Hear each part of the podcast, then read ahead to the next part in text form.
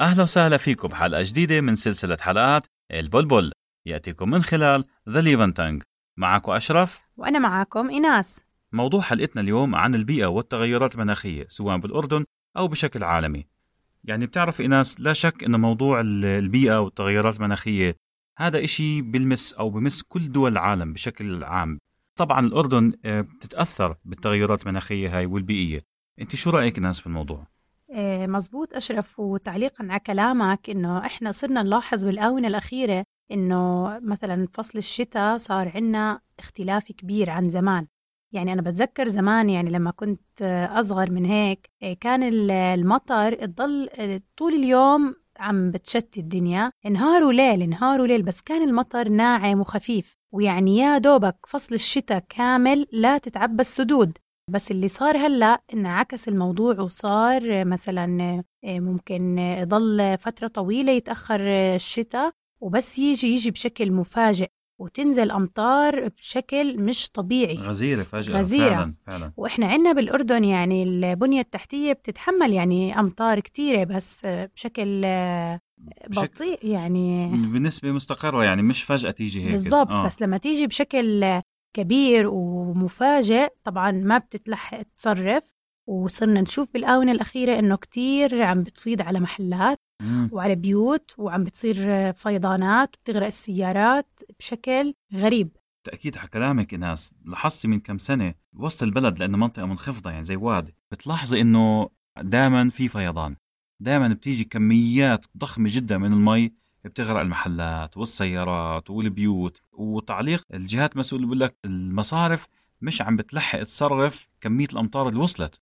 مزبوط ولأنه أشرف كمان منطقة وسط البلد غير إنها منطقة منخفضة هي السد تحتيها. آه. هاي المحلات فالسد لما يفيض أول ما بيطلع بغرق المحلات. السيل قصدك السيل آه, آه. بالضبط نعم. السيل. فبغرق المحلات يعني والله صراحة هو موضوع آه، مؤلم لأنه كتير ناس عم تتأذى يعني بضاعتها وتغرق و... آه يا حرام شفنا كتير محلات وفي ناس خربت. عم تدخل على بيوتها المي يعني آه، اللي آه. ساكنين ببيوت تساوي أو تحت. تحت مستوى ال- الشارع. الشارع عم بدخل على بيوتها. فعلا كتير شفنا من الشغلات أعتقد هذا سببه التغيرات المناخية. وبالضبط بفصل الصيف نفس الإشي أشرف عم بتمر علينا درجات حرارة عالية ما عم نتحملها. ما تعودنا على هيك. يعني إحنا ماكسيموم قديش كانت درجة الحرارة بالصيف؟ 35 هذا إذا صارت 37 يا دوب. يعني هلأ عم بتوصل 45 و47 يعني مزبوط. صرنا زي دول الخليج. كمان بدنا نحكي لهم إنه إحنا بيوتنا ما فيها مثلا مكيفات أو تد- تدفئة مركزية. يعني إحنا بنعتمد على التدفئة على الصوبات والمراوح والمراوح بالصيف. العادية. آه. يعني وعندنا أغلب البيوت ناس فقيرة. آه. ما بتتحمل تكلفة ال- المكيفات. ما بيقدر مك- مكلف. مكلف لأنه الكهرباء غالية. والله. فمشان هيك يعني إحنا الناس حاليا عم بت عم تضجر بتحس بالضجر من موضوع ارتفاع درجات الحرارة. مزبوط الناس تأكيد على موضوع درجات الحرارة. يعني إحنا طول عمرنا بنتباهى ونقول إنه المناخ أو الجو في الأردن معتدل. لاحظت من كم من سنة لما إجتنا عاصفة ثلجية. ثلاث أيام وهي بتثلج في بيوت أو في سيارات واقفة باب البيوت اتغطت كاملا بالثلج في أكثر من متر ونص يعني مش طبيعي. مزبوط. وعندنا كمان أشرف الثلج يعني بشل حركة البلد يعني ما بنقدر لا نروح مدارس ولا نروح آه، أشغالنا ولا إشي. خلص بتسكر البلد. ما هو أصلا مع بنيتنا التحتية وشوارعنا مش مهيئة لهذا الثلج بتعرفي ناس أنا برأيي العنصر البشري هو اللي أثر في الموضوع. يعني آه، بتعرفي آه، محركات السيارات المصانع التلوث ارتفاع درجة الحرارة طبقة الأوزون بتعرف هاي التفاصيل هاي طبعا كلها. طبعا كلها بتل- بتلعب دور. آه فأنا يعني أعتقد الثورة الصناعية والمصانع زادت من درجة حرارة الأرض وهذا طبعا بيأثر على التوازن البيئي. أكيد يعني كمان إحنا أشرف إلنا دور كبير إنه نحافظ على البيئة. نعم. ونعلم أولادنا ونعلم ال- الأجيال القادمة بإعادة التدوير والحفاظ على البيئة وإنه هاي يعني فعلا البيئة ثروة. طب مر عليك ناس من أيام المدرسة؟ لأنه أنا مر علي بس حاب يعني أسألك. أه حملات تطوعية كنتوا تاخذوا بالمدرسة دروس. كيف الحفاظ على البيئة النظافة؟ احكي لي. والله أشرف فعلا يعني كان يعطونا بس ما كنا نحس إنه بناخد الإشي بمحمل الجد. يعني أز أكثر ما هو يعني تسلية. يعني مثلا يحكوا لنا اليوم بدنا نطلع ننظف الساحة المقابلة للمدرسة والساحة المدرسة وإنه نحافظ على البيئة. نطلع ننظف ونتسلى بس يعني ما كنت أحس إنه يضل هذا الإشي معنا إنها تكون ثقافتنا أو إنه نعمل هذا الشيء بكل مكان. بس تسلاية فعلا ومش إنه فاهمين شو عم بيصير. بالضبط. والله ناس فعلا أنا يعني أشاركك بقصتي وإحنا صغار في المدرسة زمان. إجانا أستاذ التربية الاجتماعية قال اليوم يا طلاب عندنا حملة تطوعية للنظافة. أعطونا أكياس واعطونا قفازات للكفوف وطلعنا أخذونا على حي آه، في زبالة هون مرمية على الدرج وعلى أبواب البيوت. وقعدنا نلم بال- بالزبالة. طبعا إحنا إيش؟ ماخذينها تسلاية وماخذينها انبساط وبنلعب وبنتسلى. بس بتعرف إشي ناس؟ أنا حسيت إنه يعني حصلت على مكافأة. بتصدقني لقيت شلن خمسة قروش. بين زباله هاد إلي. فهاي كانت عمري بحياتي ما بنسى يعني إنه أنا أنظف زباله لقيت خمسة قروش. أما أنا كيفت؟ طبعا خمسة قروش زي هلا زي زي دينار. ورحت اشتريت فيهم بوظه وأغراض. عن جد أشرف في أشياء إحنا ما بنعرفها أو نعم. ما أو ما تعودنا عليها. يعني أنا بتذكر من كم من سنة لما فتح عنا محلات إيكيا. آه اكيا آه، ورحنا نتسوق من عندها. مهم. لما بدنا نحاسب ما بيعطوا كياس. أنا تفاجأت إنه ما في كيس. ولا يعني شو بيعطوا؟ آه، لا هو في زي شنطة تسوق. آه. يعني بس إنه ما في أكياس بلاستيكية.